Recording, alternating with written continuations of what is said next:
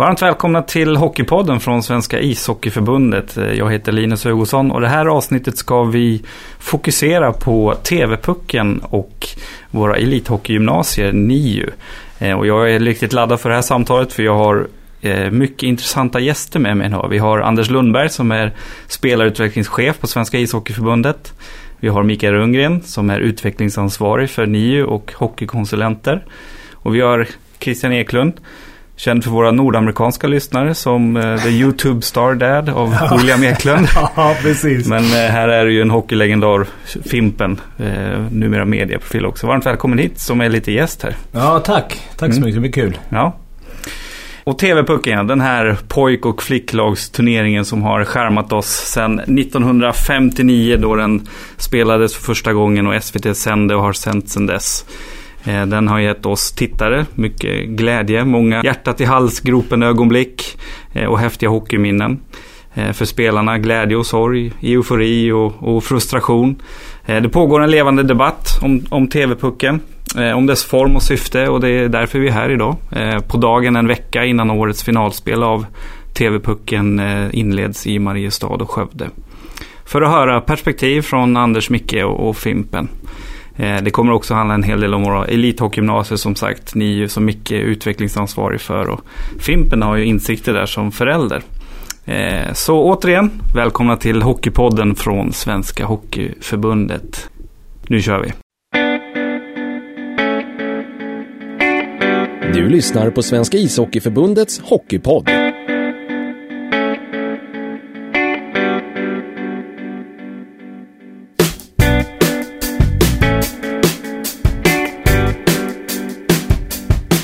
TV-pucken som turnering. Det är eh, många som ser TV-pucken, Anders, som en isolerad händelse. Men eh, vad betyder turnering i ett större perspektiv? Ja, men TV-pucken är ju, kan man väl säga, egentligen det, det första, första steget, eller vår, in i vår elitförberedande verksamhet. Där, eh, precis som du säger, eh, man ser den som en isolerad händelse. Eh, men ishockey, eller TV-pucken är ju en del av hela svensk ishockeys egentligen talangutvecklingsprogram. Vi har Tre Kronors Hockeyskola där, där vi jobbar med rekryteringen, får barnen att komma in i hockeyn. Vi har barn och ungdomsserier. Sen kommer TV-pucken som ett steg innan man kommer in på gymnasiet. Där vår elitförberedande verksamhet börjar på, på allvar. Då är det ju 24 lag. Äh, 22 spelare per lag, 23 spelare till och med, med, med tre målvakter per lag. Eh, som får spela TV-pucken i en uttagningsprocess till, i respektive distrikt. Men det är, det är ju en, en liten, liten aktivitet i den stora bilden eh, för en spelares utveckling. Mm. Och du brukar prata om spurtpriser och, och, slutmål. Ja, jag gillar ju den metaforen. Jag liknar det lite grann med ett Vasalopp. Om man tar en, en hockeyspelares resa. Eh, om man liknar den med ett Vasalopp så, så kan man väl säga att TV-pucken då, då är ett av de här spurtpriserna till exempel i Oxberg. Och det är ju jätteroligt att vara först och vinna det spurtpriset. Men men det handlar ju fortfarande om att vara, vara först till Mora för att vinna Vasaloppet. Och, och som hockeyspelare så det är ju på seniornivå vi faktiskt kan börja prata om, om eh, ja, hur långt man har tagit sig. Eh, berätta lite mer om det här med elitförberedande satsningar och, och hur TV-pucken spelar en roll i, i elitförberedelsen. Man, man tar det från det här perspektivet som idrottsrörelse som vi är. Eh, så är det klart att vi har ju egentligen primärt två, primärt två syften. Det ena är att vi vill bli så bra som möjligt. Och det andra är att få med oss så många som möjligt. Och där gäller det att ha balansen, liksom att de där går hand i hand och att det, det ena ska inte förta det andra. Eh, och därför har vi ju ett antal insatser vi gör, aktiviteter vi gör, utbildningar vi gör som är mer riktade åt det ena eller andra hållet av dem för att få, få den här balansen. TV-pucken är ju en del mot, mot det hållet att vi vill bli så bra som möjligt. Och där som sagt, någon, någonstans i, i den här världen, liksom, vi har, vi har U16-landslag på, på U16-året, samma år som TV-pucken spelas. Och den här uttagningsprocessen, den, den börjar någonstans. Eh, och där har ju vi tittat mycket runt, alltså, kring forskning och, och vad den säger kring sådana här saker runt talangutveckling. Vilken ålder är det, är det lämpligt att det här börjar? Och, och då har vi landat i att ja, men, U16-året är eh, rätt eh, med forskningen i ryggen. Så därför så har vi då TV-pucken på U16-året. Vi har våra lands, vårt första landslag på U16-året. Tittar vi jämfört med internationellt så, så är vi sen med att börja med den här processen. Det här är en ganska het ja. fråga Fimpen. Vad, vad, säger du om åldern när, när de här uttagningarna säger Anders. Andra säger lite mer kritisk utslagning. Jag, jag har ju varit några gånger med mina barn. Eh, jag, jag står ju i båda lägen här. Jag är själv eh, petad från T-pucken när jag spelade. Eh, så det året hatade jag T-pucken. Och sen har jag haft två barn som spelar T-pucken. Och det har varit skitkul att kolla på. Så jag är inte speciellt emot turneringen. Men i, i åldrar här. Jag har varit iväg i, i USA ibland som ledare och där är det alltså 8, 9, 10-åringar som varje, varje år de kommer till sitt lag eh, måste de köra en tryout. Och det är travel teams och det är, de är så mycket mer förberedda än vad vi är. Så att jag tror att vi... Hade de haft vår utbildning, då hade vi problem. Då hade vi inte vunnit en match mot dem. Eh, som tur var har de inte det. Utan de, de måste, jag pratade med någon någon gång där borta. Och de sa att vi kanske tappar en, två McDavid genom det här systemet, men vi har ju fem andra. Så att de får alltid fram... De har så, de har så mängd. Så de kan börja skala av folk redan vid 8, 9, 10 års ålder. Det kan inte vi. Så att Sverige har nog en väldigt... Vi är ganska snäll. Att vi började med 15, 16 tror jag, det ligger nog rätt bra för vårt lilla land. Eh, just det här med uttagning till TV-pucken. Du brukar prata om att distriktslagen har start och slutdatum. Hur, mm.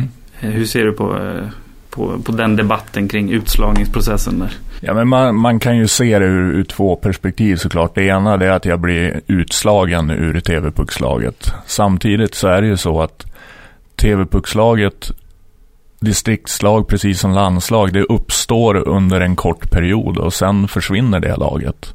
Eh, så det är ju inte så att du blir bortplockad från hockeyn på något sätt. Därför så brukar jag snarare prata om att det är en uttagning till ett lag än att vi slår bort folk från ett lag. Så det är ju mer en sån här filosofisk eller ett, ett synsätt, mindset eh, runt hela processen.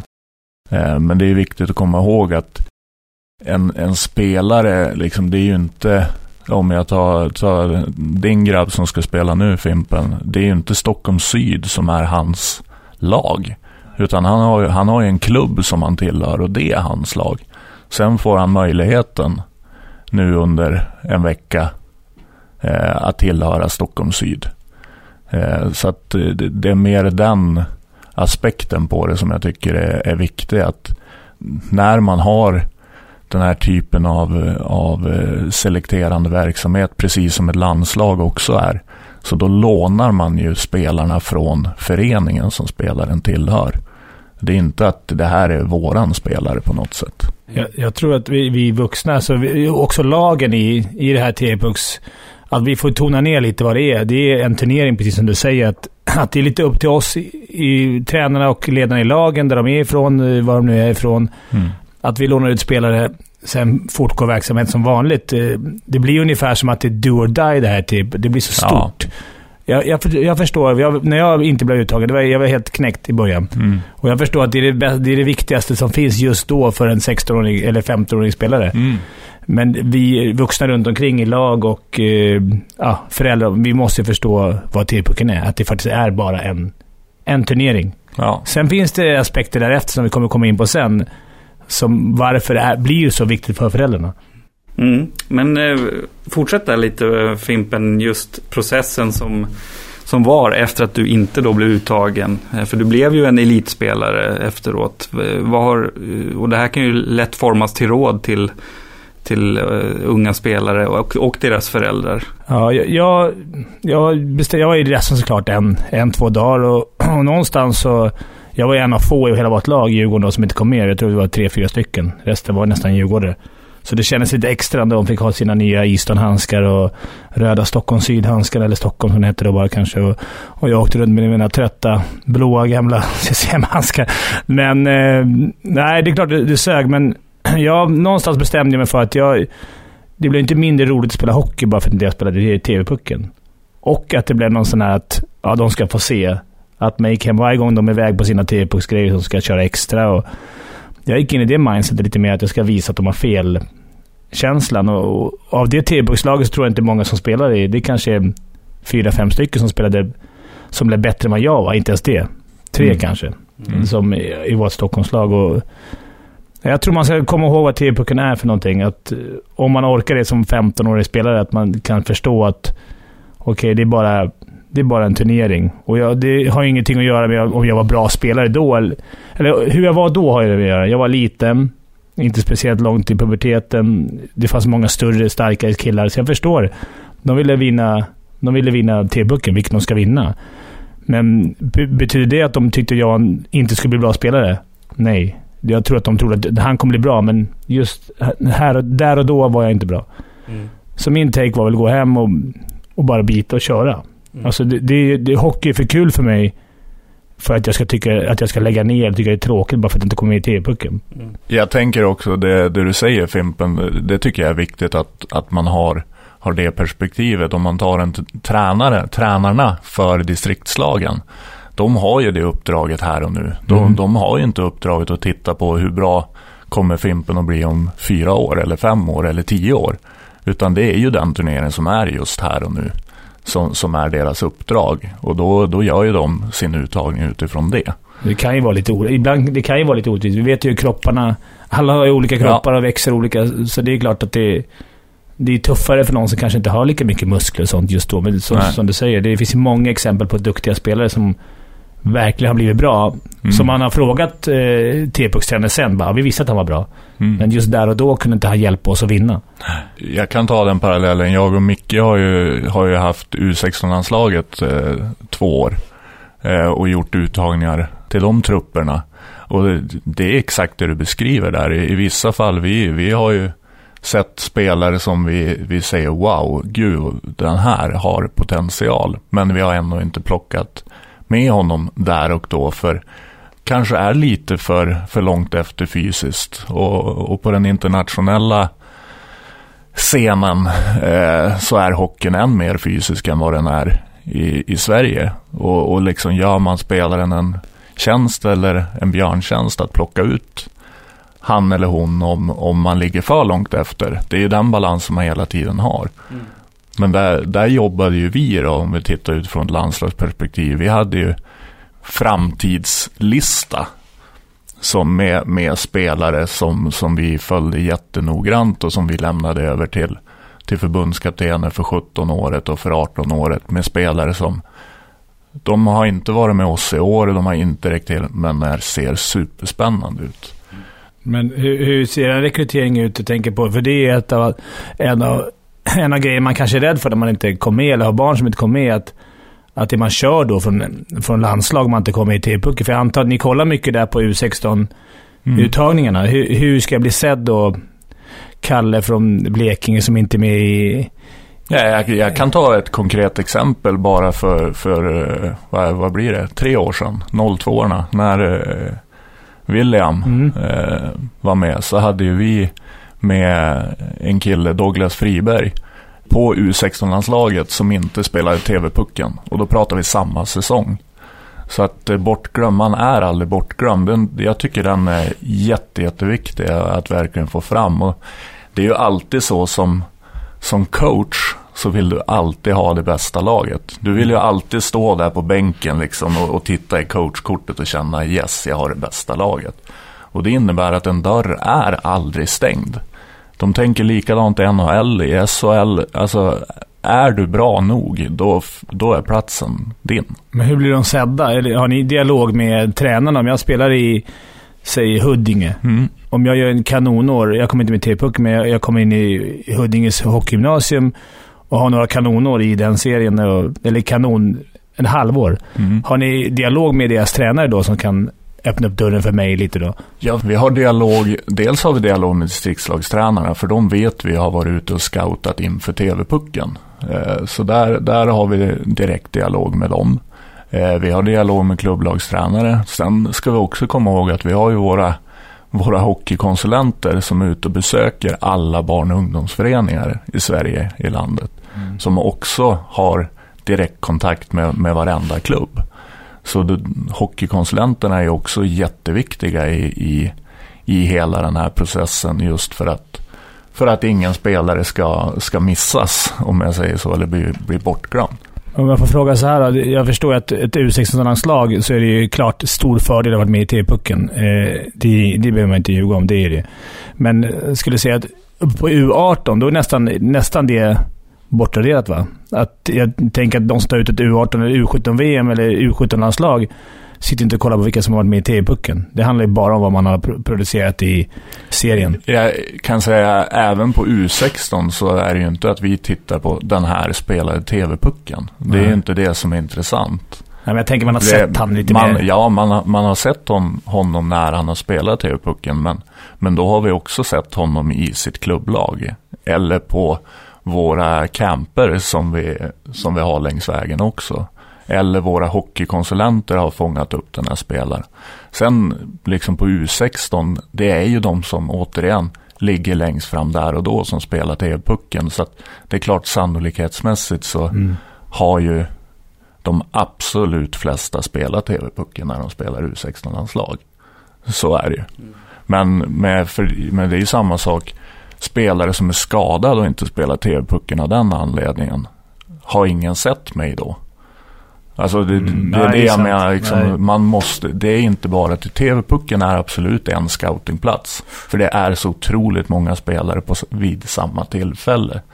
Men eh, återigen, det är, det är en scoutinginsats av allt. Jag skulle vilja gå tillbaka till eh, resan med Fimpen här som jag var inne på. Med, med att han tog sig hela vägen till SHL utan att spela TV-pucken. För det finns ju ganska intressant statistik eh, om man tittar just på hur många spelare i SHL som inte har spelat TV-pucken. Mm. Och den tänkte jag att du kunde få dra. Ska jag få dra den? ja. Vad trevligt. Ja. Nej, men det, när pandemin slog till så, så tittade vi på, på SHL och nu var det här säsongen 1920 som eh, vi kommer att följa upp såklart. Men säsongen 1920 då var det 75 procent av spelarna av de svenska spelarna i SHL som hade spelat TV-pucken. Det vill säga var fjärde spelare har inte spelat TV-pucken. Vad säger det då egentligen? Ja, vad säger det? Jag tycker det säger att det finns stor möjlighet att, att ta sig till SHL även om man inte spelar TV-pucken. Det, det, är inte avgörande. Sen återigen, alltså om man tittar på sannolikhet så är det ju klart att det är ju väldigt, väldigt många duktiga spelare som spelar TV-pucken och som blir bra. Alltså det får man, det vore löjligt att säga något annat. För det, det är så pass många också som spelar TV-pucken varje år. Vi är, på killsidan så är vi ungefär 3000 spelare, lite drygt 3000 spelare eh, på U16-året. Det, det är antalet licensierade spelare och 500 530 blir det väl som spelar TV-pucken. Så det är ju det är en stor procent som spelar TV-pucken, det får man inte glömma bort. Men som sagt 25 procent som inte har spelat, det, det tycker jag är jätte, jätte, en bra siffra. Mm. Man får inte glömma bort heller tycker jag. Det är så lätt i den här debatten, man glömmer bort vad TV-pucken är. Det är man ska inte skämmas för man kommer med tycker Nej, jag. De, precis. det är värnet, de har gjort det är liksom alla barn som har gjort, eh, tjejer och killar som har kommit med i TV-pucken, grattis. Ni har gjort ett, allt deras slit. De har stått och kört extra, gått upp 07 och åkt iväg till ja, någon rink, uterink och kört extra tränat med sina lag och allt de har offrat. Mm. Och så grattis. Alltså det, man ska vara glad och stolt när man får med i TV-pucken för det första. Eh, det här är mer för de här, fånga upp de här andra procenten som inte är med. Eh, men det vill man ändå ha sagt. Att grattis till de som, de som är uttagna, för det är en jäkligt häftig turnering. Sen ett par år tillbaka spelas ju, spelar ju tjejer också i, i TV-pucken. Och jag kan tänka mig att det är rätt så skilda världar för killar och, och tjejer. Eh, just med tanke på eh, antalet spelare som, som mm. eh, urvalsprocessen eller uttagningsprocessen sker ifrån. Mm. Vad, vad spelar TV-pucken för roll för, för tjejspelare? Tittar man när, när vi valde att eh, flytta in tjejerna under TV-pucks eh, så att säga. Från, från det de tidigare spelade som hette Stålbucklan och in i TV-pucken så var ju det ett otroligt bra gensvar från egentligen hela, hela hockeyrörelsen. Eh, dels att faktiskt sätta flickhockeyn på kartan på ett helt annat sätt. Eh, tjejerna får uppmärksamhet, man, man ser också hur, hur skickliga tjejerna är. Så på det sättet så har ju TV-pucken betytt väldigt, väldigt mycket för dam och flickhockeyn. Nu har det ju bara spelats sedan 2019. Det var ju 04 som var, var den första eh, åldersgruppen. Men det, det är klart att det är ju vi är ju alldeles för få tjejer i, inom hockeyn. Vi, det, vilket jag hoppas innerligt att, att vårt nya dam och flickprojekt som, som vi nu driver verkligen kommer att, att sätta fart på det och att vi, vi blir många, många fler. Eh, men pratar man tv-pucken så på dam och flicksidan så har det ju, det har ju nästan glorifierats med tv-pucken. Eh, men det är ju faktiskt samma process som på killsidan där vi problematiserar otroligt hårt. Och det är ju just på grund av konkurrensen eh, som, som är. Det är inte samma konkurrens på, på dam och flicksidan. Vi börjar märka lite grann i Stockholm, i de större distrikten där, där det blir fler tjejer, att det är tufft även där för, för de som inte kommer med och som, som drömmer om det. Men är det samma, är det, är det samma konkurrens om nyplatserna för flickor som det är för pojkar? Alltså nykonkurrensen eh, på tjejsidan är ju jättestor skillnad mot, mot pojksidan. Eh, om vi tittar på eh, tjejerna har sex olika gymnasier på niosidan. Eh, de har 40 elevplatser. Vi har någonstans mellan 65 till 70 tjejer som i snitt söker. Och av dem kommer 40 in eh, någonstans. 39-40 har varit, eh, brukar det ligga på. Så att det, där är inte eh, konkurrensen på samma sätt och det är väldigt många som kommer in av de som söker. Sen är inte NIU lika viktigt för tjejerna som för grabbarna. Eh, har de en bra klubb i Troja Ljungby som spelar i damettan de får träna mycket, spela mycket bra, då, då, väljer de att vara kvar. Så att det är inte lika, eh, det är inte lika hett liksom med nio på tjejsidan. Eh, och, och det, det, kanske har med skillnaden liksom i, idag är det ändå så på pojksidan så, så, så kan hockeyn vara en yrkeskarriär framåt och så här. Tjejerna, tjejerna prioriterar utbildningen mycket mer, det är jätteviktigt att den eh, eh, är bra.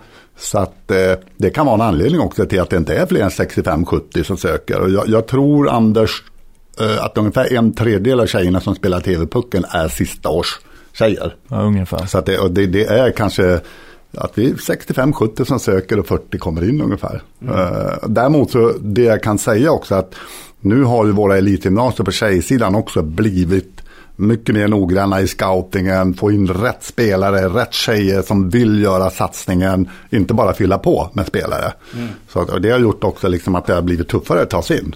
Om man ser det, den antagning som har gjorts det sista året här så, så är det ju otroligt ambitiösa och bra tjejer. Lundberg och jag hade intervjuer med ett antal tjejer här i, i våras. Alltså det är så häftigt. Alltså de, de är hockeyspelare på riktigt. Men det, det, det är inte samma tryck där. Nej, det är inte. Jag kan tänka mig att det kanske är därför det blir mer problematiseras mer hos grabbar. Att det är sån otrolig konkurrens. Mm. Och, och liksom, det man tror, det, det, man hör i ladorna är ju liksom, det är kört. Mm kommer inte med till pucken så är du körd på nio. Mm, mm. Och är du körd på nio får du inte gå där du vill. Och sen, nu mm. kanske jag går lite... Ja, men låt, oss prata, nej, men låt oss prata lite om det. Mm. Välkommen in i podden får ja, säga till Micke Rungen här. Du har varit väldigt tålmodig och suttit ja. tyst här. Kryper i kroppen. Ja, ja. ja, men vi ska prata lite om, om eh, NIU mm. och just den här stressen som då många killar upplever och en del tjejer då såklart. Mm. I och med att det ändå är en viss urvalsprocess där också. Eh, och, och TV-pucken är en sak, men att komma in på det här hockeygymnasiet är ju, det är ju där som, som den, den stora pressen kan vara för en del grabbar och dess familjer. Men låt oss börja lite basic. Eh, och jag som NHL-nörd mm. vill ju veta lite här nu kring NIU. Vad är, vad är NIU för någonting? Ja, vi, vi, kan börja med att säga att Sverige är det enda land i hela världen där du kan kombinera en elitförberedande satsning, alltså du, du kan läsa ishockey på skolschemat kombinerat med, med studier. Det finns ingen annan, annat land i världen som har det. Så att, eh, NIU eller RIG som en del individuella idrotter har, det, det handlar om elitförberedande satsning, alltså Skolverket vill säga elitsatsning, men vi kallar för elitförberedande satsning. Eh, kombinerat med studier, alltså en dubbelkarriärsatsning. Eh, och eh, eh det som NIU handlar om, det är att de, de som ska vara på ett NIU, vare sig det är ishockey, fotboll eller handboll, eh, det, det syftar till att, att eh, få fram framtidens nationella och internationella elit. Det är det det syftar till. På skidåkningen ska vi se Frida Karlsson och i hockeyn ska vi se William Eklund eller vem det nu kan vara. Det, det, det är liksom det det syftar till. Och att man ska kunna kombinera det med, med en bra utbildning. Mm. Det, är liksom, det är syftet med alltihopa. Eh, och, det är ju så att eh, eh, det, det, är liksom ingen mänsklig rättighet för alla att gå det precis som det är en mänsklig rättighet att alla ska få gå frisörslinjen eller utan det är ett urval som ska göras. Precis som till, till, till mycket annat i den åldern. Hur många finns det då på kill och tjejsidan? Och hur många platser pratar vi om? Ja, eh, pojksidan så har vi 27 stycken nion idag. Eh, vi håller precis på och omcertifierar, eller förlänger och tittar och ser hur det kommer att se ut. Eh, men just nu är det 27 och på flicksidan har vi sex stycken olika. Och på pojksidan finns det, varje elitgymnasium på pojksidan har 14 platser. Så att det är 378 grabbar som, som kan tas in. Eh, och sen eh, på flickgymnasierna har vi sex gymnasier med totalt 40 platser. Det är så det ser ut. Mm. Mm. Och jag fortsätter på rookie-nivån här. Eh, Nio för dummies kan vi kalla det här avsnittet. Mm. Men om man nu inte kommer in, för att vi har ju, vi har ju, vi pratar om 530 TV-pucken, mm. drygt 300 platser på, på nio på pojksidan. Eh, vad händer med en kille som, som inte kommer in där då? Går det att fortsätta eh, satsa mycket på hockeyn under, under gymnasiet på andra gymnasier också. Absolut, alltså, vi, vi har ju egentligen helt unikt system. Vi, vi har idag 86, möjligtvis 88, det är eventuellt två till som, som är på gång. Men 86 lokala ishockeygymnasier finns det runt om i Sverige. Eh, där, där, en del distrikt har väldigt många möjligheter. Eh, och väldigt många olika lokala gymnasier. Det var många av dem som är riktigt bra. Eh, vi har dessutom, man kan säga att det finns två olika typer av lokala gymnasier. De kan se likadana ut men vi har ett lokalt gymnasium som, där vi går in att de kan söka en rekommendation som ett lokalt gymnasium hos oss på ishockeyförbundet. Och de, eh, de eh, rekommenderade lokala gymnasierna, de jobbar vi med. Vi jobbar med deras instruktörer, vi har kontakt med skolorna, vi utbildar instruktörerna. Alltså, vi backar upp för att de ska ha en jättebra verksamhet med sina spelare. Eh, så att, så att, det är absolut inte kört på något sätt om man inte kommer in på ett elitgymnasium. Det finns många av de här lokala gymnasierna som gör det otroligt bra. Mm. Så det kan man lugnt säga. Men jag som jag är också lite novis på det där. Jag, varför har jag gått runt och oroat mig för att barnen ska komma in på NIO? Om det ändå finns... Vad är skillnaden på NIO och lokalt?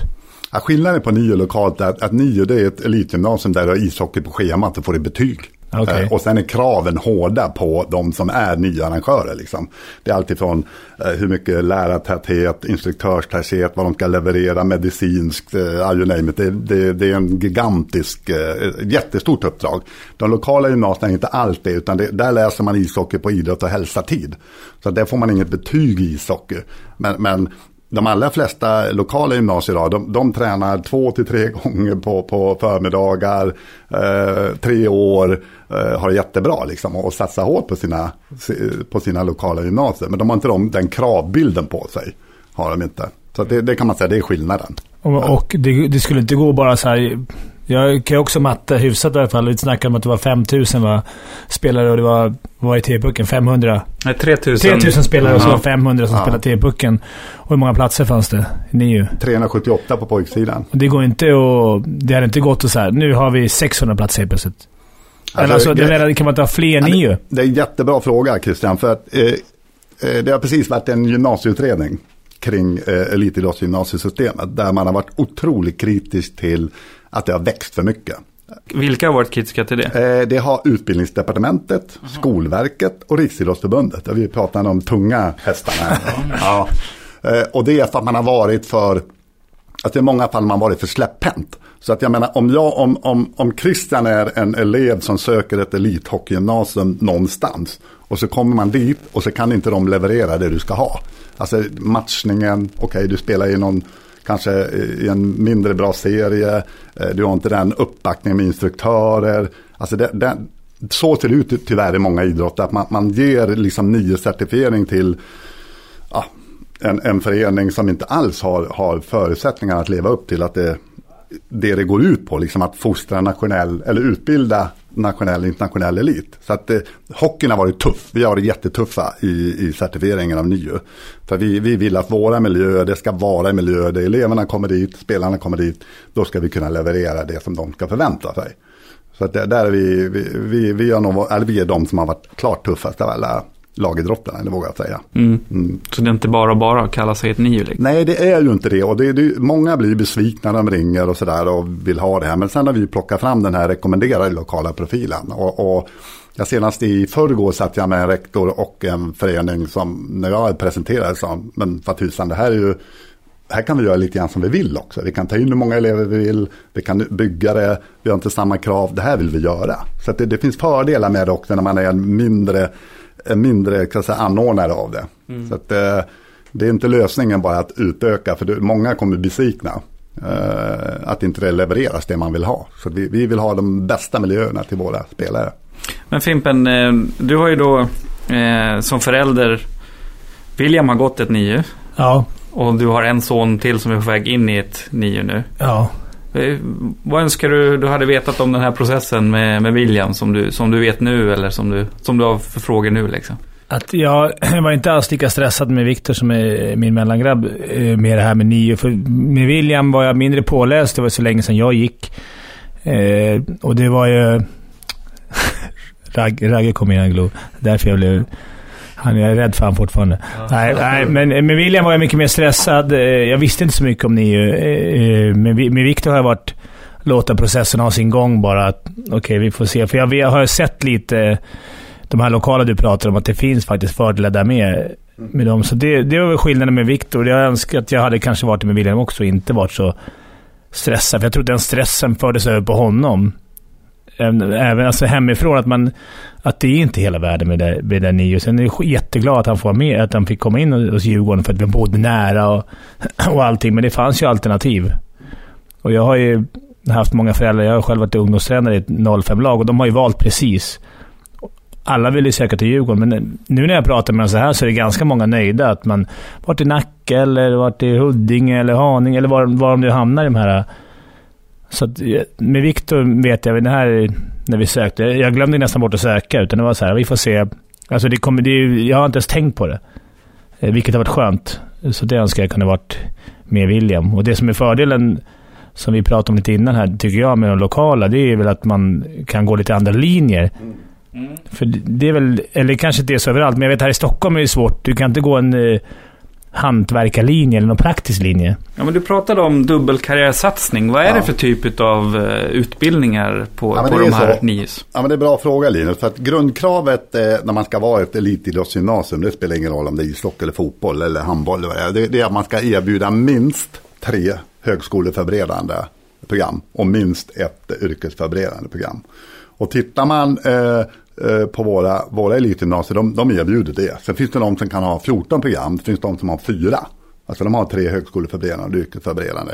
Och, och, min bild när jag sitter och tittar nu det är liksom att de, de orterna som är lite mindre, alltså mindre gymnasieskolor så här, som är så här, de, de har lite lättare att få till fler varianter på program. Och det, det jag tycker det är, ibland är det många som gör sig experter, ja vi, vi vill rådgöra, eh, vara rådgivare i det här med NIU, men de har ingen koll på det här att med, med, med skolan, vad finns det för program? Och, och jag upplever att både föräldrar och spelare sista åren har blivit mer eh, rådfrågande, liksom, vad finns det för program, vad kan man välja, så det spelar också roll. Så att ibland säger man varför flytta någon två timmar, men det kan bero på att man har ett elitgymnasium, där finns det program, det vill jag gå, för jag tycker det är viktigt. Eh, med skolan. Så det, men minst tre högskoleförberedande och ett yrkesförberedande ska man ha. Men de flesta har fler. Ska jag kanske lägga till det också att just för att få gå på ett NIU så räcker det ju inte att du blir idrottsligt antagen. Nej, det här det här är också, det, det är ju två antagningar. Det missar många. Liksom. Att först är det ju en idrottslig eller hockeymässig antagning. Och där ansvarar, det har vi, där ansvarar våra anordnare. Så att säga. Vi säger Djurgården ansvarar eller Troja eller vad det nu kan vara. Så då får man en idrottslig antagning. Okej, okay, du, du får en plats, man tackar ja. Sen ska man söka till skolan. Och då kommer den slutliga antagningen. Och vi har ett antal spelare varje år som kommer in idrottsligt men som inte kommer in slutligt. Eh, så då kommer de inte in på nio. Så det är ju också det att man ska ha ja, man ska ha okej okay betyg från, från, eh, från uh, grundskolan för att ta sig in. Mm. Och sen samarbetar ju många av våra elitgymnasier med bra skolor. Eller alla samarbetar med bra skolor. Och det är klart, det vet vi idag, liksom att bra skolor blir attraktiva och poängen höjs. Så att det är antagningspoängen. Så att det, det, det, jag tycker att man ser att det, det blir tuffare och tuffare att ta sig in på betygen. Mm. Det gör det. Jag, jag har en, an, en annan fråga liksom, som jag alltid undrar. Varför... Jag tror egentligen inte att det här NIU eller lokalt spelar så stor roll, men det är det laget man vill till. Alltså, om jag nu bor här, nu sitter vi i Stockholm, men jag vill att han ska spela i Djurgården. Mm. Är det upp till klubban det? För en, en drömvärld hade han kunnat sagt så här, vi, du kan träna på...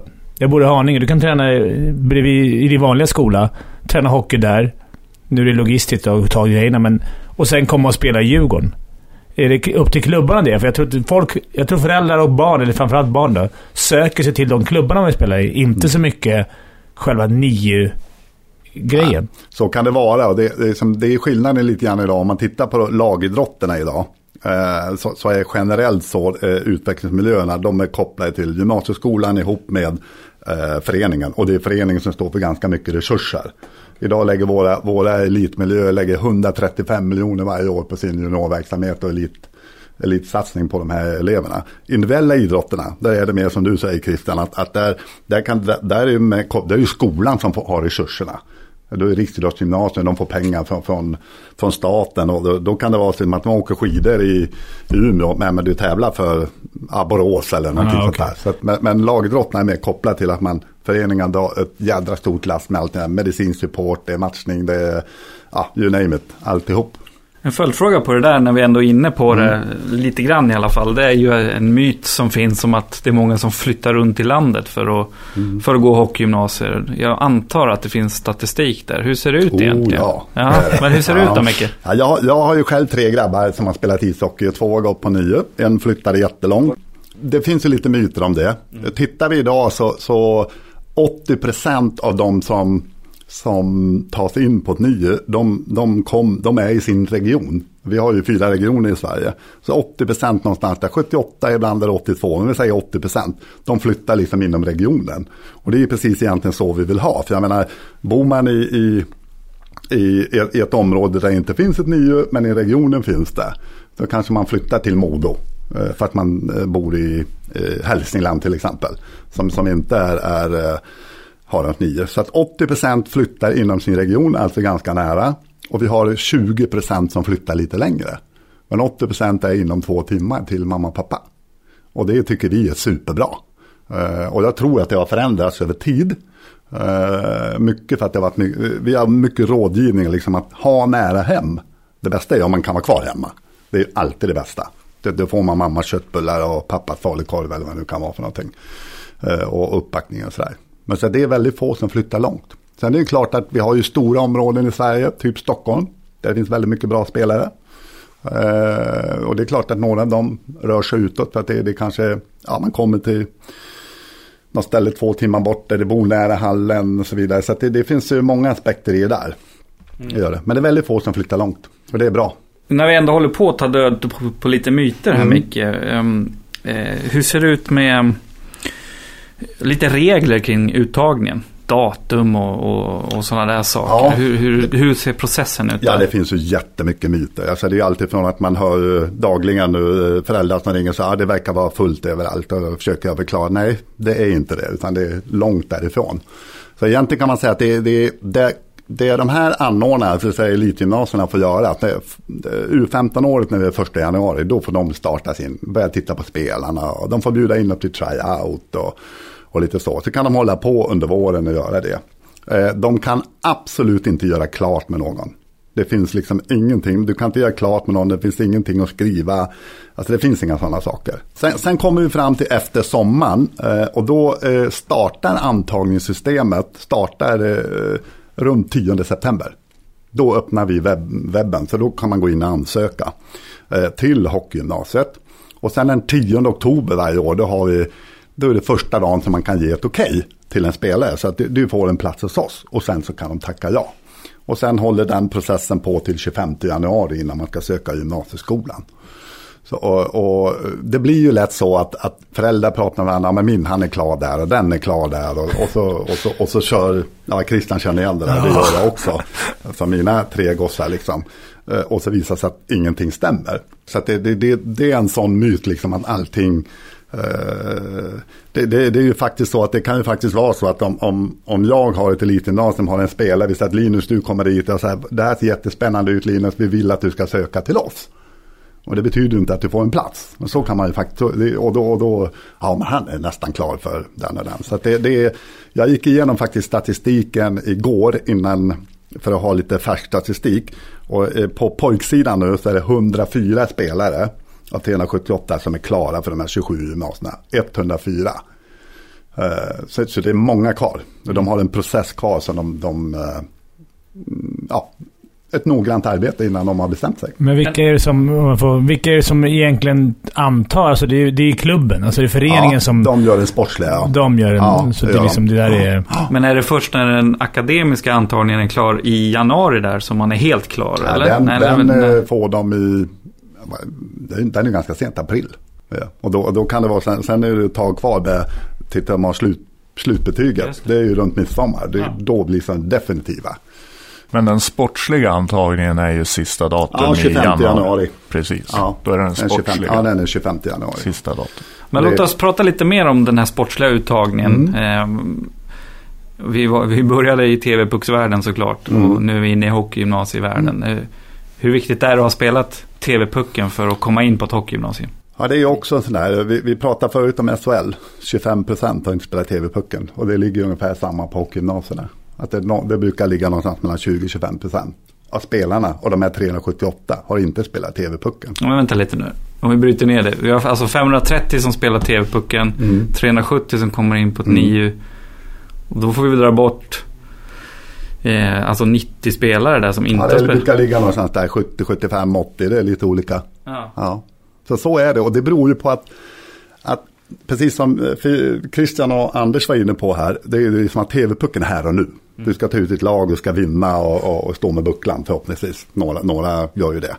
Eh, Medan NIU det är någonting helt annat. Alltså det, det, är klart att de tittar på tv-pucken, de följer spelarna där. Men de ska ta ut 14 spelare till sitt, sitt nye som de tror eh, vill lägga arbetet. Har drivet som Christian pratade om förut, liksom att jädrar. Eh, och som de tror kan bli bra om tre, fyra, fem år. Så det, de har ju en helt annan bild.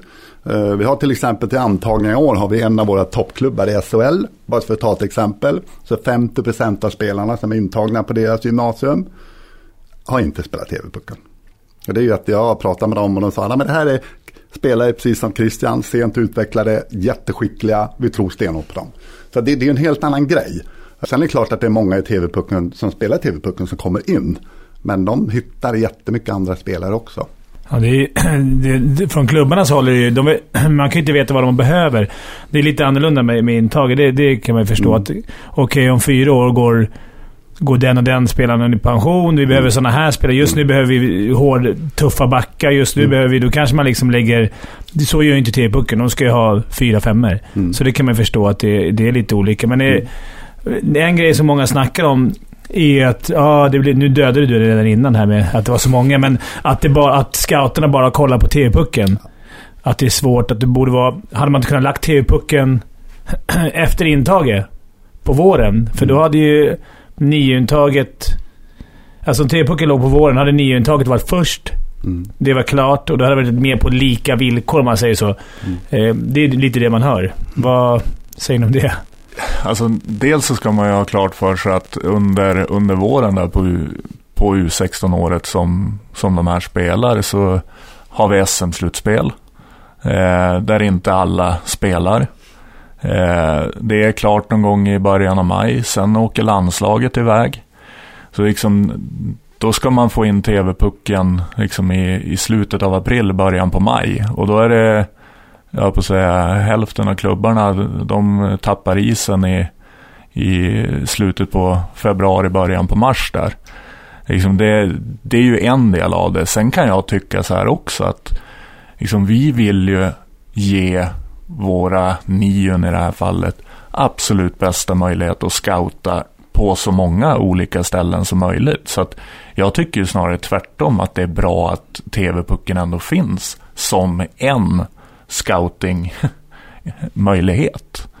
Så att eh, det är ju det är den stora anledningen. Men rent, vad heter det? Logistiskt? Ja, logistiskt, planeringsmässigt så är det jäkligt svårt att, att få in det under våren också. Möjligt? Absolut, ingenting är omöjligt. Men, men det, det är knöligt. Ja, du dödade det lite innan här när du sa så, så många som inte var med i Timbuk mm. som blev antagna. Så att, mm. eh, annars hade det varit 100% då hade man ju tyckt att så här, varför lägger de... Mm. Gör inte, är scouterna bara på TV-pucken och kollar? Men jag vet ju också att det är viss prestige även i att hitta sådana som inte är med. Och alla lagen verkar gå... Jag har jobbat mycket med Djurgården nu och jag vet att de verkligen inte går... De går ju sin egen väg, vad de behöver, som vi snackade om mm. innan. Så att det, det, jag tror vi, som vi sa innan, vi, över, vi gör TV-pucken för stort. Det är en kul turnering. Men om det nu är, så lite, eller om det nu inte är så viktigt med TV-pucken för NIU. Eh, har ni inte med, är det inte man ska kryssa i i början att man är, varit med i TV-pucken? Man ska göra det på antagande, in, intaget. Ja, det är en härlig fråga. Ja. Eh, vi har ju ett, ett, en webbansökan och där har vi haft ett antal kryssrutor där tv-pucken har varit en när man har varit ja men tjejer har varit till exempel på en utvecklingskamp och så vidare. Men vi har plockat bort allt det där. Eh, istället har vi byggt om eh, så att man får skriva mer och berätta om sig själv. Liksom, det här har jag gjort, det här är mina meriter, det här är jag bra på, så här har jag tränat och sådär. Så att det, det, det har vi plockat bort. Varför det då? Nej, men det är ingen som har tyckt det var viktigt. Den har hängt på, liksom. vi, vi byggde på det här under tid med, med all, all aktiviteter som vi hade på Hockeyförbundet. Tyckte liksom, men det är bra, det kan man kryssa i. Men, men den, den, vi har insett liksom att här, den behövs inte. Det är bättre att man får berätta om sig själv vem jag är och vad tänker jag om det här, vill jag satsa på det här och, och sådär. Så det, och jag har inte haft någon eh, överhuvudtaget som, som, som har reagerat på det där. Eh, varken de som jobbar med elitgymnasierna, för det, det, det, här bestämde jag och Lundberg ihop att nej, men vi plockar bort det där, vi, vi utökar andra. Uh, enda frågorna jag får det är ju liksom föräldrar som ringer, men, men vad ska vi skriva? Ja. ja. Och så, men nu blir det lite mer på riktigt. Nu får du berätta lite mer så att de, de kan göra rätt mycket. Eh, det finns allt de som lägger in länkar också med film på dem. Och, alltså, de, de, är, de är omkring sig. Och framförallt de som kanske är lite mer okända. Spelar i en liten klubb i Småland. Det kan vara jättebra att det finns någon film också. Liksom på, det här är jag när jag är fystränare. Så att det, ja, jag tycker att det där Nej, det, det har vi plockat bort kort kort. För det tror jag, det tror jag, det skulle kanske kommuniceras ut ännu mer. För det tror jag många, man hör i uttagningen så här, kommer man inte med, då kan man inte kryssa in, mm. då är man redan körd för nio. Mm. Du vet ju den, det är mm. verkligen en myt som går mm. runt. Att, mm. att det där lilla krysset skulle vara liksom så helt Ja, det har varit jättehett eh, ja. omdebatterat. och det är ju egentligen, vi har pratat med dem på, på elitgymnasierna, så, ah, det är ju ingenting man tittar på. Liksom. Det, det, är inte det som är intressant. Det, så varför ska vi ha det då? Mm. Så det är istället får man skriva lite mer, lägga lite mer krut i ansökan, vilket är bra, mm. Mm, tycker jag. Alltså jag kommer ställa en superledande fråga här, men det är för att Lundberg inte har tagit upp det själv. Så jag, jag, måste leda honom, leda honom till vattnet här för att se om han börjar dricka. Ja, vad skönt. Mm. Vi har ju Fimpen här, som mm. har, inte kom med i TV-pucken, men som har nått till SHL, till toppen mm. liksom. Mm. Och det finns många andra exempel också på, på, på sådana mm. spelare. Vad, vad är kännetecknande för för de spelarna som når dit. Nu vet jag ju exakt vad du är ute efter. ja, det var väldigt ledande. Nej, men jag, jag, brukar säga det, det enda som alla spelare, varenda enskild spelare som har, har gått hela vägen, de, de, har bara en sak som är hundraprocentigt gemensamt. Och det är att de inte har lagt av. Eh, förmodligen har alla tränat väldigt hårt, men de har tränat olika hårt. Eh, liksom sådär. Men ingen har lagt av om man har gått hela vägen. Det, det är liksom det enda som är 100% säkert. Mm. Så att eh, det är en viktig aspekt. Mm. Det, det här är ett råd eh, som vi brukar prata om. att eh, Jag fick chansen, jag var inte med i T-pucken. Eh, som jag gnällt om här nu då. Det var Sia och Bert. Så, så att, hör Bert det här så. Mm. Nej, men jag kände liksom, ju, ju längre gick de här bra och allting. Det försvann ju TV-pucken. Efter tre veckor visste ingen vem som hade kommit fyra i TV-pucken. Förutom de som hade gjort det.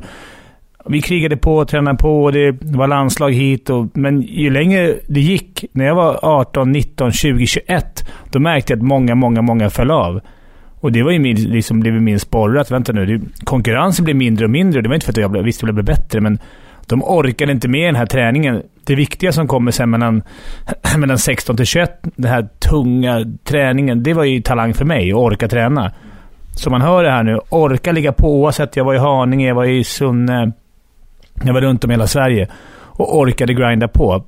Folk vill inte lägga ner den tiden, så är det en sån som orkar lägga ner tiden så kommer du hamna så högt du bara kan. Tror jag. För att jag, jag tror många, många tror att det är kört om att komma i landslag, kommer med där. Men orka gnugga på. Jag, alltså det kommer, det kommer bli tunnare och tunnare med spelare. Det ser ni också på statistiken, att folk lägger av.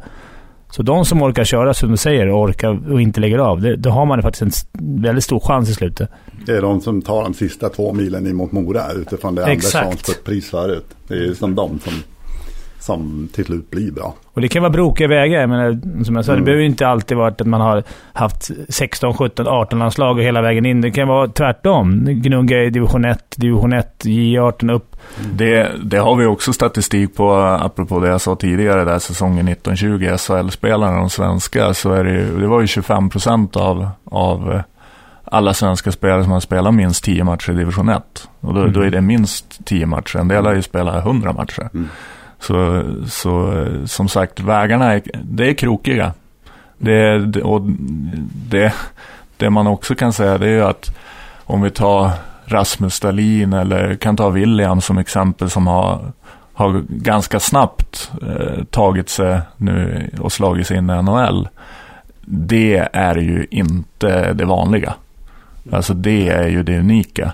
Snittåldern i SHL är 20, var den säsongen 27. Nu tror jag att den är 26 den här säsongen.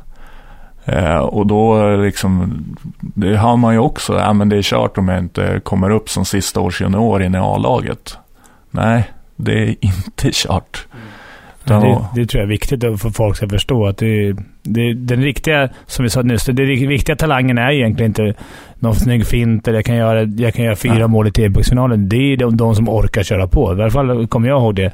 Det var tuffa år i, i gymnasiet och upp. Alltså, det var ju många gånger man fick gräva långt ner liksom i sig själv för att orka och gå upp på morgonen och köra den här hockeyn. Och det är inte alltid kul. Men jag grindade på. Det, det tror jag är den stora talangen. De som orkar det. Och sen det här att det går för snabbt. I vissa fall kan det nästan gå för snabbt. Och man missar lite. Jag kan känna med William ibland. Så här, nu är han där och slåss om en plats i NHL. Och det kanske har gått för, för snabbt. Missar några steg på vägen. Och, så det finns ju för och nackdelar med allt. Mm. Mm. Ja, det vore kul om han kom till JVM också. Men det är en senare fråga. Men jag tycker det är intressant här. Det är kanske lite off topic. Men eh, vi är inne på på eh, spelare. Du själv är en sån som aldrig gav upp och genombrottet kom lite senare och din son är en sån som kanske haft lite rakare väg. Och jag är intresserad av föräldraperspektivet där. Hur, hur, har din roll som, hur är du i din roll som förälder gentemot William? För det är en ganska viktig sak att hålla fötterna på jorden i det här lyckoruset som man ändå måste befinna sig i just nu. Mm. Ja, för jag vet att det kommer alltid... Luften går ur lite. Lyckorus håller i sig en stund, men sen kommer den här vardagen. Då kommer det komma ganska djupa dalar. Med, eller djupa dalar, det kommer komma dalar. Och det är där, det är där de mäter, mäter efter, tycker jag. Hur, hur bra är du när du spelar ditt eh, B-game, om man säger. Alltså när alla är på topp så spelar man ju svinbra, men hur bra är din lägsta nivå? Men jag tror vi har ganska... jag berättade det förut någon gång att jag hade när jag la med hockey, jag har inte sett så mycket med Williams matcher, jag spelar ju själv. Så var jag på, då, hade han, då hade jag lagt av precis. Jag började på Myren. Jag var och kollade på match med honom och jag, vet, man sitter på läktaren där. Engagerad förälder. Och jag gjorde, när han kollade upp på läktaren som ungarna gör, då gjorde jag något tecken med händerna. Vet, och skridskor. Du vet, som föräldrar kan göra. Och så här, han kollade bort och han bara, han kanske inte såg. Och jag försökte, ja, det är inget med det. Direkt efter matchen kom han upp knallande i, det jag tror han var 13 år då. Uppknallande med skridskor och allting på, in i fiket. Och bara in för alla bara, håller på att vifta på mig en gång till så får du inte gå på matcherna. Och jag höll på att skämmas inför hela fiket. Jag, skämde. jag vet, jag är inte själv, men jag var en, Alla sitter och pekar och fixar. Och... Sen dess har vi haft en rolig... Vi utvärderar det själva. Så här, det är tre frågor vi ska ställa efter matcherna till varandra. Eller jag ställer till mina barn. Hade du kul? Var en bra lagkamrat? Kämpade du så mycket du bara kunde? Mm. Och svarar du ja på de tre, då har du godkänd match oavsett. Svarar du nej så är det någonting fel. Och det låter lite, lite så här cheesy, att man säger vad är det för fråga? Men det, jag har tagit med mig det och faktiskt kört vidare det. Och, och det är tre så jävla enkla frågor. Det är det det handlar om någonstans egentligen. Ha kul, kämpa så mycket du kan, vara en bra lagkamrat. Gör det så kommer du ju hamna ungefär där. Och det är ju det man vill höra från sin förälder. Mm. Där vill man inte ha det här och mer skridskotecknet, utan där vill man ha den här stöttningen liksom. Och så, ja, otroligt kloka jag, ord. Jag kan säga att jag fortfarande, nu var jag kollade på, när vi spelade in det här, var jag, uppe, jag kommer direkt från kolla match med William. Vi, fortfarande varje dag har vi, skickar jag vi till varandra. Jag säger, se till att ha kul nu. Då skickar han tillbaka, det är bara hockey. Mm. Eh, och det har vi, det gör vi, nu har det blivit en grej, att vi gör det även med min, med min mellangrabb. Gå ut och ha kul. Ah, det är bara hockey någonstans får man ju så i det här jävla... Ta ett eh, helikopterperspektiv och se att det är faktiskt bara hockey. Mm. Även om man kan bli galen ibland när man kollar på matcher. och Djurgårdsmatcher speciellt. Då hade jag önskat någon sa till mig att det var hockey. Ja, precis. Ja, det gäller att hålla perspektiv. Anders?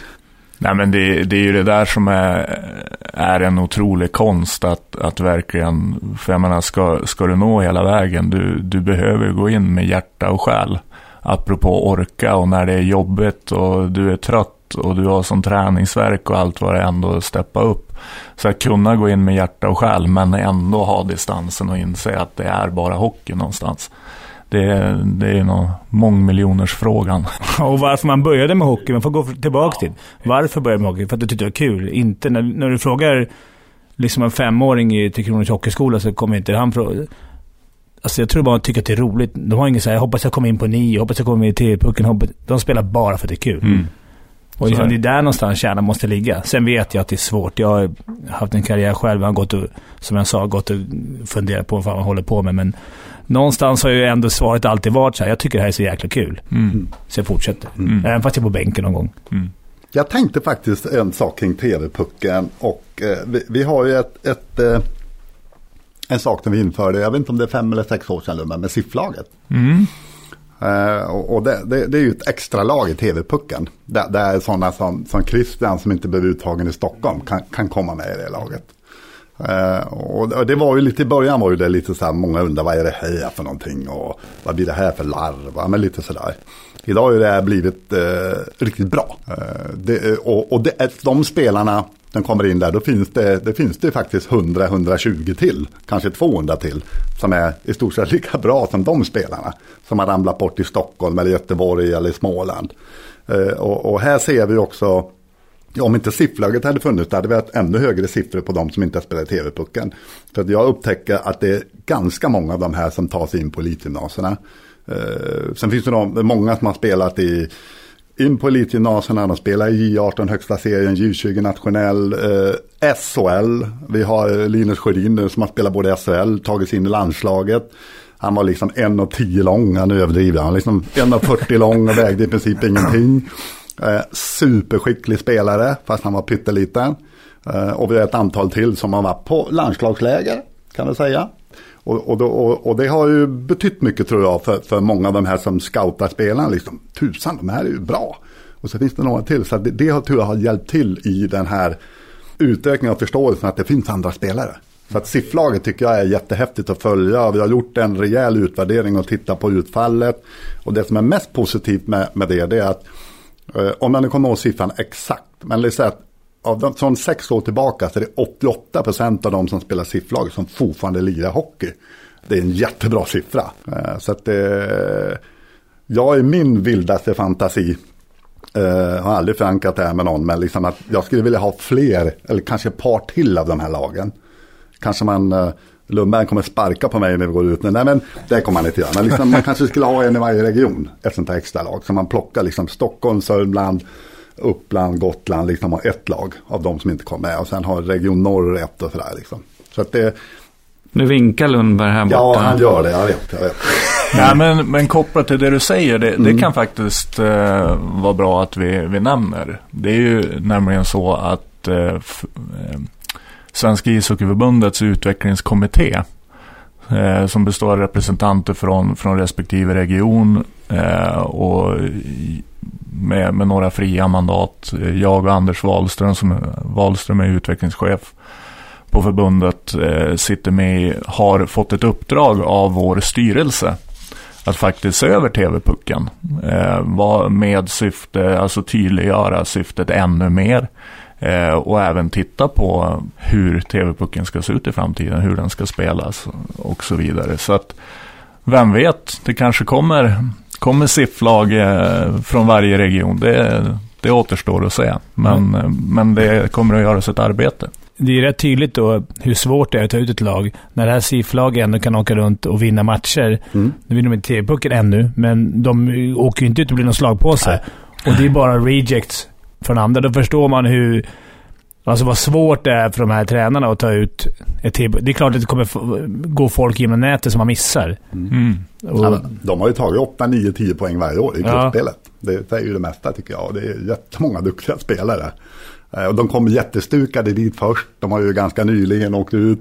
Och sen så får de en ledande roll och sen, alltså de tycker det är fantastiskt. Och sen är det många som säger wow.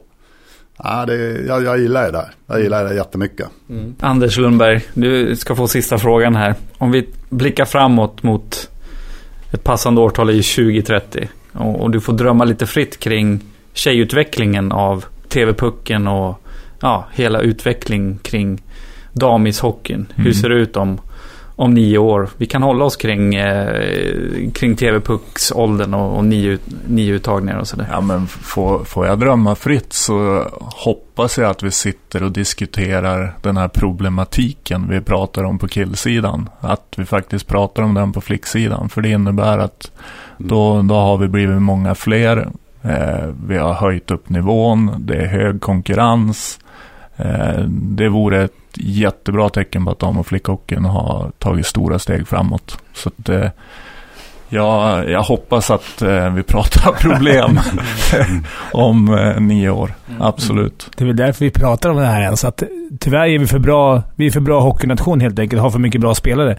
Hade varit lättare om vi inte hade så många. Då hade alla kommit till pucken. Mm. Mm. Exakt. Så är det. Får jag sätta dig på pottan avslutningsvis? Slutspelsdags i TV-pucken. Vilka vinner tjejturneringen? Micke? Ja, jag, jag tittar på, på kvalspelet så här. Så Stockholm blir ju som vanligt duktiga. Mm. Småland har varit bra några år. De har inte järnkoll på år. Men, Stockholm klart blir en utmanare på tjejsidan. Det blir de alla dagar i veckan. Mm. Ja. Och även på pojksidan. Både, båda Stockholm såklart. Okay. Ja, men du säger, vi börjar med flicksidan. Där säger du Stockholm. Stockholm. Anders? Jag säger Ångermanland. Mm, de öste in mål i kvalspelet. Ja, de har några otroligt skickliga mm. spelare där. Mira Hallin och Ebba Hedqvist. 47 mål mm. tillsammans. Mm. Ja, de, de är duktiga. De spelar i ordinarie i Modos STH-lag mm. redan nu. Mm. Och gör bra ifrån sig även där. Så att, eh, ja, de är, de är duktiga. Christian, har du någon koll? Jag visste, jag har läst om de två. Att de har gjort mycket, mycket mål. Jag tänkte, men jag vill ju ändå säga Stockholm. Jag menar, det är, jag är från Stockholm så jag får säga Stockholm. Bara för att gå emot Stockholm så säger jag Ångermanland Småland i finalen då. Ooh. Sticker ut hakan Verkligen. här. Ja. Killsidan då, där har ju Stockholm två lag. Vad tippar du där? Du säger något av dem. Men vilket i så fall? Ja, de, de kunde vara med och utmana. Det finns ju några lag till som är bra. Det är, jag tror att Göteborg är farliga också. Eh, men, men jag säger Stockholm Syd. Ja, jag måste ju säga det. Jag tror att den som vinner den här första kvartsfinalen mellan Syd och Göteborg blir vinnare. Mm. Det blir som en liten tidig final. Nu kommer alla andra distrikt tycker jag är dålig, men mm. jag måste säga så. Mm. Jag tror, eh, jag går emot även här, men eh, den här gången säger jag Stockholm. Jag säger Stockholm Nord. De har historiskt haft eh, en mentalitet att hitta sätt att vinna matcher när det har varit tajt. Och jag tycker jag har sett liknande tendenser även, även med den här årskullen. Så jag säger Stockholm Nord. Mm.